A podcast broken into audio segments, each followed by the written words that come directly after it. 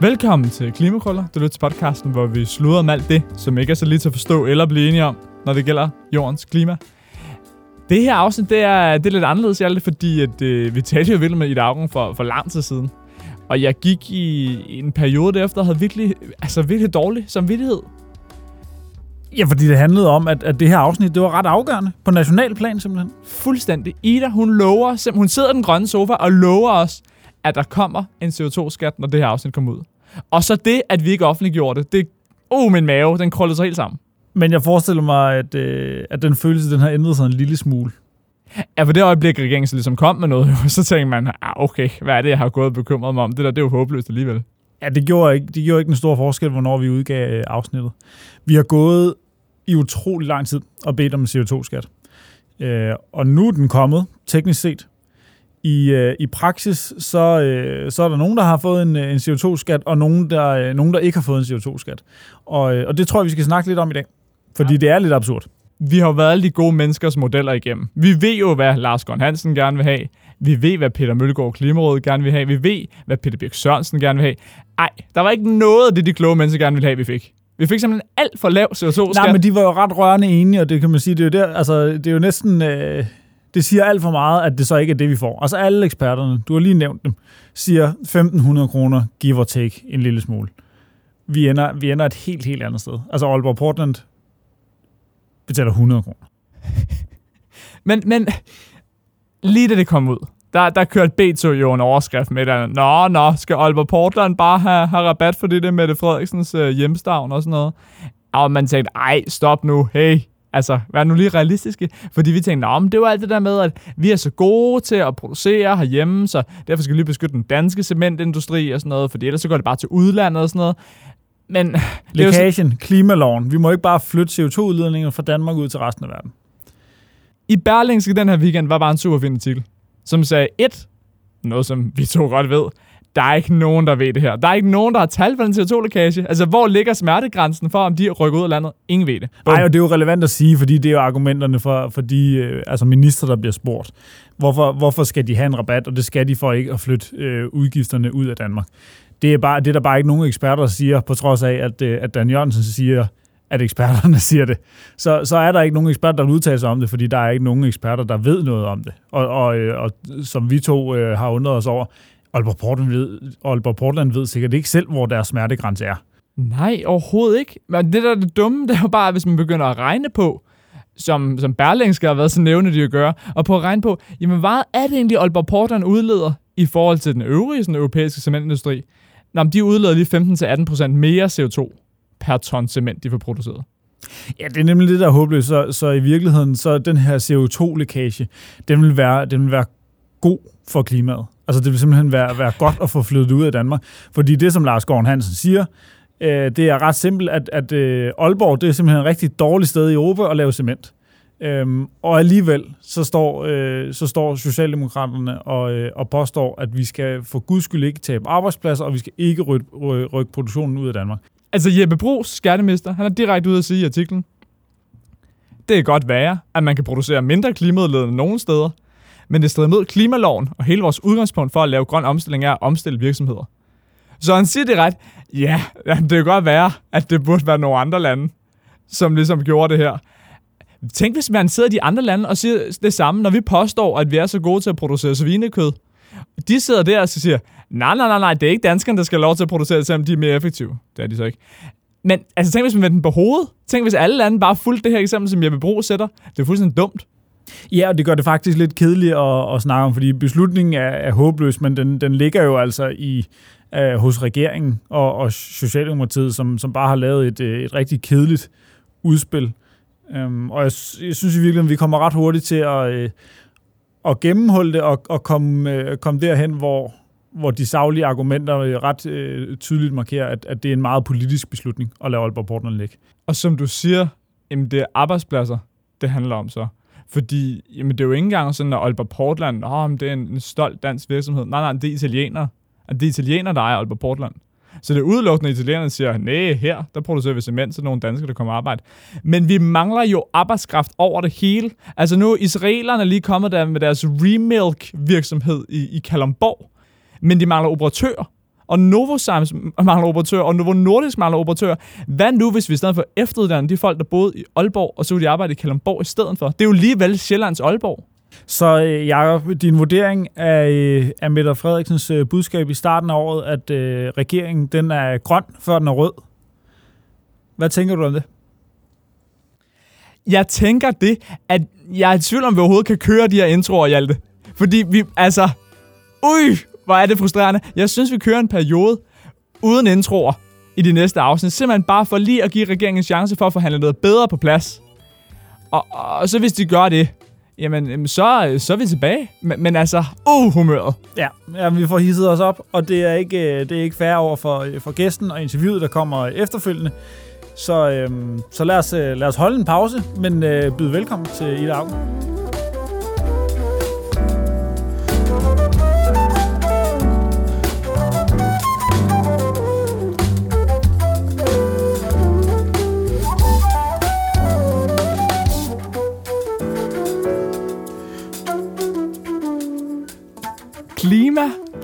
Og handlekraft. Tro på det. Det er din nye bog, Ida. Ja. Ja, og den øh, handler om, hvordan man ligesom skal se lyst og konstruktivt på klimakrisen. Er det korrekt?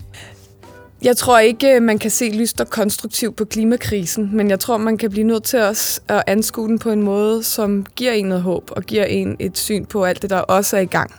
Og at hvis man sidder kun og fokuserer på på de store tal om, hvor galt det går og hvor lidt tid vi har, så bliver man jo fuldstændig nedtrykt og har lyst til at lave pladsrevolution og smide alle ud. Øhm, og så kan man stå der med ansvaret selv og have de samme problemer som alle andre. Men hvis man bryder det lidt ned og tænker, jamen hvad er det, jeg kan gøre, og hvad er det, der er i gang på forskellige områder, så synes jeg også, der kan komme noget, noget optimisme og noget håb ud af det. Og hvem er, øh, hvem er bogen så til? Fordi det er jo ikke alle i vores samfund, der har lyst til at, øh, at starte en revolution på, på baggrund af, af klimaudfordringen. Øh, så er den, er den til de unge mennesker, som, øh, som er demotiveret? Den er dels til unge mennesker, fordi den starter med at fortælle om min egen rejse ind i en, en klimadepression, hvor jeg faktisk lagde mig i fosterstilling for 22 år siden, da jeg øh, forstod sådan rent naturvidenskabeligt, hvad der er, der foregår, øh, og tænkte, det er jo helt syret, at resten af verden ligesom kører videre, som om intet var hent. Nå, men så shopper vi videre, og flyene trækker striber hen over himlen, og alle er som om intet er sket, og man står der og tænker, det kan det ikke være rigtigt. Og der, der gik jeg sådan i en, en klimadepression nærmest, og kunne ikke komme ud af min seng, og ville ikke have børn. Øh, og, og så, så var det, at jeg fik den her vending på et tidspunkt efter et halvt år, hvor en af mine venner sagde til mig, at øh, sådan kan du altså ikke leve. Så kan du lige så godt lægge dig til at dø. Hvis du har givet op, så læg dig til at dø. Så det er jo, og det er jo heller ikke sådan nogle små ofre, du vil få som børn. Du skal da have nogle små kriger, små klimakriger. Øhm, og det var, det var bare sådan en omvending for mig, hvor jeg tænkte, okay, okay, jeg kan enten blive helt lammet af alt det her, eller så kan jeg se, hvor kan jeg gøre noget? Hvor er min lille øh, rolle i det her? Og det er selvfølgelig et håb, at nogle unge mennesker, der har det samme, øh, jeg ved, at øh, jeg tror, det hedder solastalgi, jeg, jeg mener, det simpelthen har fået sin egen øh, betegnelse, klimadepression, en, en depression over, at, at ens omgivelser forsvinder, ens hjem forsvinder. Øh, at de har det samme, men at de måske også kan med den her bog få noget håb og se, at man, man kan generere kræfterne ud i de forandringer, der er i gang, i stedet for måske primært i en frustration over alt det, der ikke sker. Men den er jo også altså, til, til alle. Den, er egentlig, den må gerne blive årets studentergave da, men, men jeg håber sådan set også, den er til alle, der gerne vil have et bredt blik på, på hvad der sker på forskellige områder.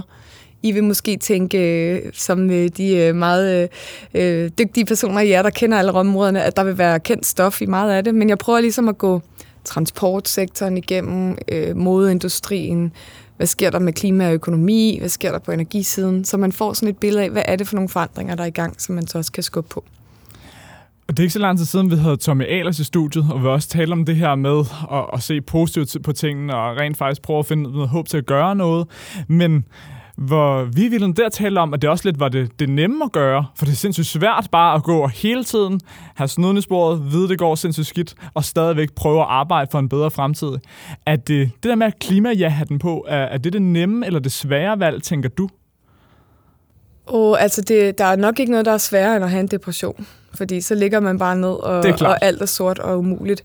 Øhm, jeg tror, det, det er lettere at leve med, at man gør en forskel, selvom man ikke kan løse hele problemet. Så på den måde kan det jo godt kalde det lette valg, at, at man så ser, okay, jeg kan ikke løse det hele, men nu gør jeg det her. og gør min del af det. Hvis det bliver sådan en sovepude, der siger, at det går jo egentlig meget godt. Vi er jo da lige ved at reducere vores CO2-ledninger, så glem, at det er kun 0,1 procent af verdens udledninger.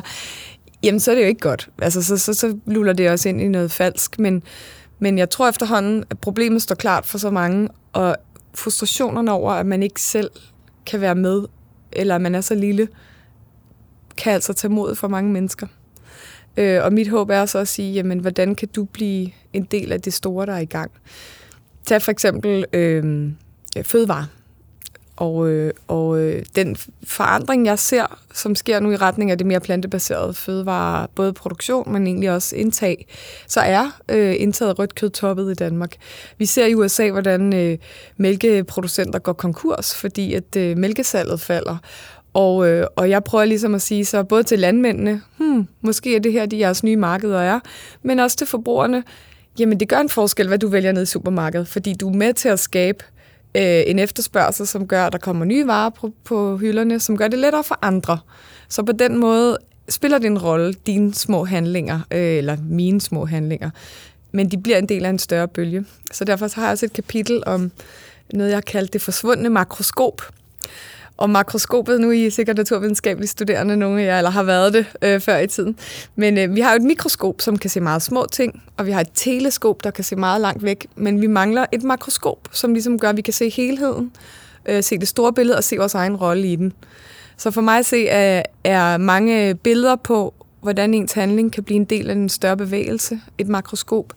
Øh, en, øh, en fortælling om det er faktisk at forstå, at der er ting i gang. Jeg synes, det, der sker i den finansielle sektor, er enormt spændende.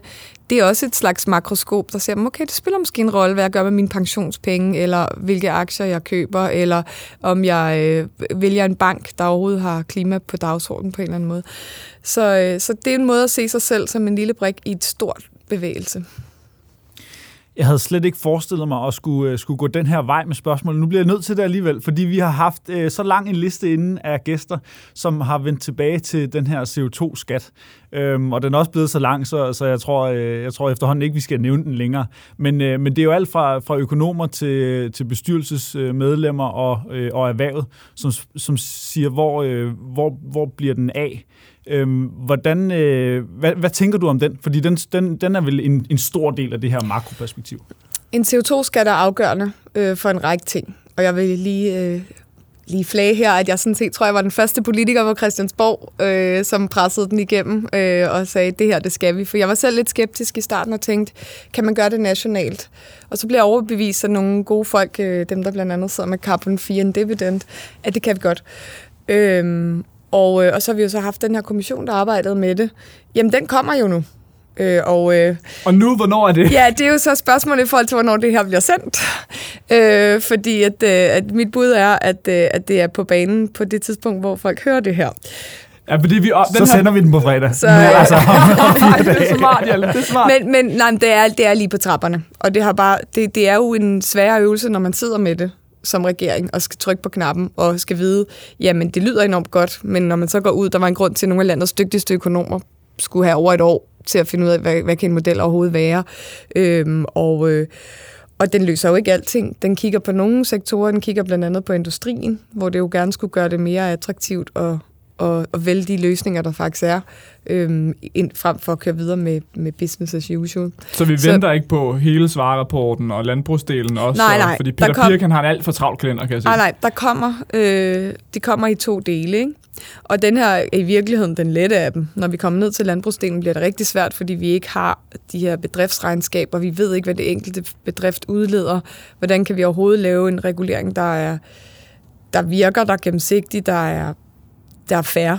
Øh, så, så der har vi øh, et endnu større arbejde foran os. Men øh, jeg er 100 procent øh, fortaler for en grøn skattereform, og det er Socialdemokratiet også. Så øh, det er simpelthen bare, nu har jeg prøvet flere gange at komme ud med, med skatter og afgifter, som ikke var arbejdet ordentligt igennem, og så bliver de rullet tilbage. Jeg ved ikke, om I kan huske den, der hed forsyningssikkerhedsafgiften, som endte med også at gælde sankebrænde og pindebrænde, og så, så måtte vi rulle den tilbage, og det er grunden til, at vi ikke har afgift på biomasse i dag.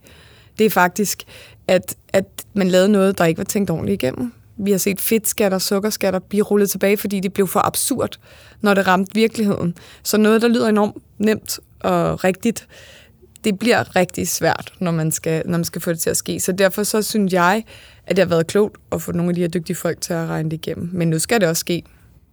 For jeg tror også, det var derfor, hvis jeg starten lød kritisk over for dit sådan, øh, tro, håb og kærlighedsbudskab, som jeg ellers bare er mega fedt, så er det fordi, jeg netop koblet til at tænke, oh, men i hvor høj grad sidder i det og tænker på tekniske potentialer, når hun siger, bare roligt, der er ting derude, som rent faktisk kan lade sig gøre.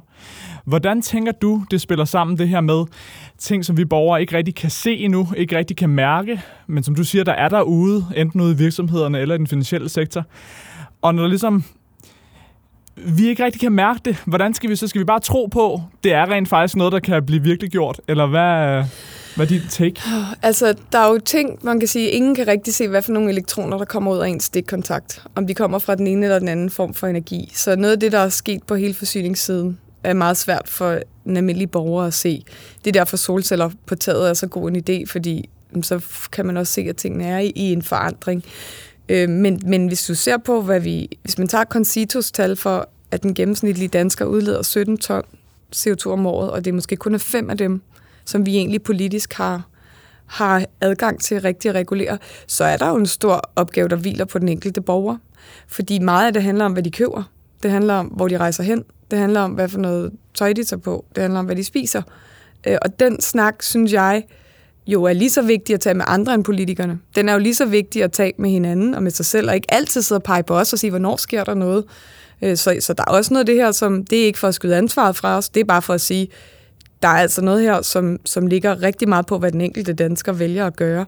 Så den snak, synes jeg bare også, vi skal tage. Og nogle gange tror jeg, altså, hvad skal man sige, øh, klimabevægelsen, de sidder og kigger lidt for meget på politikerne og tænker, vi så fikser det. Øhm, og, øh, og, og det må jeg bare sige, jamen øh, det er ikke os, der går i supermarkedet for jer. Det er ikke os, der, der tager valget på de 12 ud af de 17 ton CO2. Så jeg vil også godt sende noget af den bold tilbage. Og derfor tror jeg, at hvis det skal give mening for den enkelte for borger at vælge anderledes, så vil man gerne se, at de andre også er i gang. Og derfor er den synlighed, som jeg så også fortæller i bogen, jamen der er den her revolution i gang på det plantebaserede. Der er også en revolution i gang på tøjsiden. Øh, modebranchen er noget af det mest oprørende, der findes, og, og vi kan godt prøve at regulere den, men så flytter de bare deres produktion øh, og bliver ved med at sælge øh, fast fashion på kinesiske hjemmesider. Øh, og det er så ret svært at komme efter med andet end 12 regler og noget, vi prøver, men der er jo kæmpe store muligheder for at købe det alle mulige andre steder. Så den her tøjrevolution, hvor at øh, de unge, ikke mindst, der er gået i gang med genbrugstøj. Jeg sidder selv her i sådan en fin ledernederdel, som jeg fandt i en genbrugsbutik. Den er meget fin, skal lige er den ikke meget fin? Jo, den. Altså, jeg selv ligesom må prøve at tage min egen medicin og sige, jamen, jeg skal ikke ud og købe nyt tøj. Jeg har, jeg har sat mit kødforbrug voldsomt ned og spiser den, køber det nærmest ikke selv. Øh, jeg har du er ikke en af dem, som så bare har skruet op for, for mælke- og mejeriprodukterne, vel? Fordi så nytter det jo kun det halve. Ja, altså, jeg, jeg er ikke veganer og jeg er heller ikke på nogen måde heldig. Jeg siger bare, man kan godt gøre nogle ting selv, og de giver bare bedre mening, hvis man ikke oplever, at man står der helt alene som en, en frelst dame øh, i sin øh, brune nederdel, men, men faktisk kan se, at man er en del af, af mange, der er i gang med noget. Selvfølgelig, det er virkelig en gennemgående budskab herinde fra os, det med, at når vores egne valg er så vigtig. Vi havde Bente Halger herinde, professoren her for, for Kode, også i Klimarådet. Og der talte vi netop om det her med, i forhold til at spise mindre kød. Øhm, og der er problematikken jo stadig, at der er offentlige midler, der går til at reklamere for kød. Og det seneste, jeg hørte fra Rasmus Prehn, det var, at han var lidt vævende i, om det var noget, der stadig skulle fortsætte eller ej. Så netop når du taler om det her med, på den ene side forbrugernes rolle, på den anden side, hvad man kan gøre rent politisk, det er vel noget, man kan gøre rent politisk, at stoppe med at reklamere for kød. Hvor bliver der reklameret for kød henne, tænker du? Gennem de offentlige afgiftsfonde. Ja, promilleafgiftsfonden. Promilleafgiftsfonden. Ja, den i det hele taget må man kigge på. Altså, det, landbruget mener jo, det er deres penge. De betaler det, når de betaler pesticidafgifter, så synes de, det er deres, der handler om at udvikle øh, for eksempel det animalske landbrug. Jeg tror ikke, det bliver brugt til reklame. Jeg tror, det bliver brugt til for eksempel at forske i forlum på, hvordan kan man få køerne til at udlede mindre metan. Jeg tror, det er begge dele, ifølge den, altså klimarådsrapporten fra december. Okay, ja, men det, det vil jeg godt kigge på. Det er nu ikke det. Er nu ikke det. Men det, det, de store tandhjul her, for mig at se, det er jo, at vi kommer nok til at fortsætte at have et animalsk landbrug. Og hvis, hvis resten af verden gjorde noget, det Danmark gør, altså hvor, en, hvor man får fodermængderne markant ned for de enkelte dyr, øh, for at producere en enhed, ville det allerede være en fordel, samtidig med, at vi laver det her skift til det plantebaserede.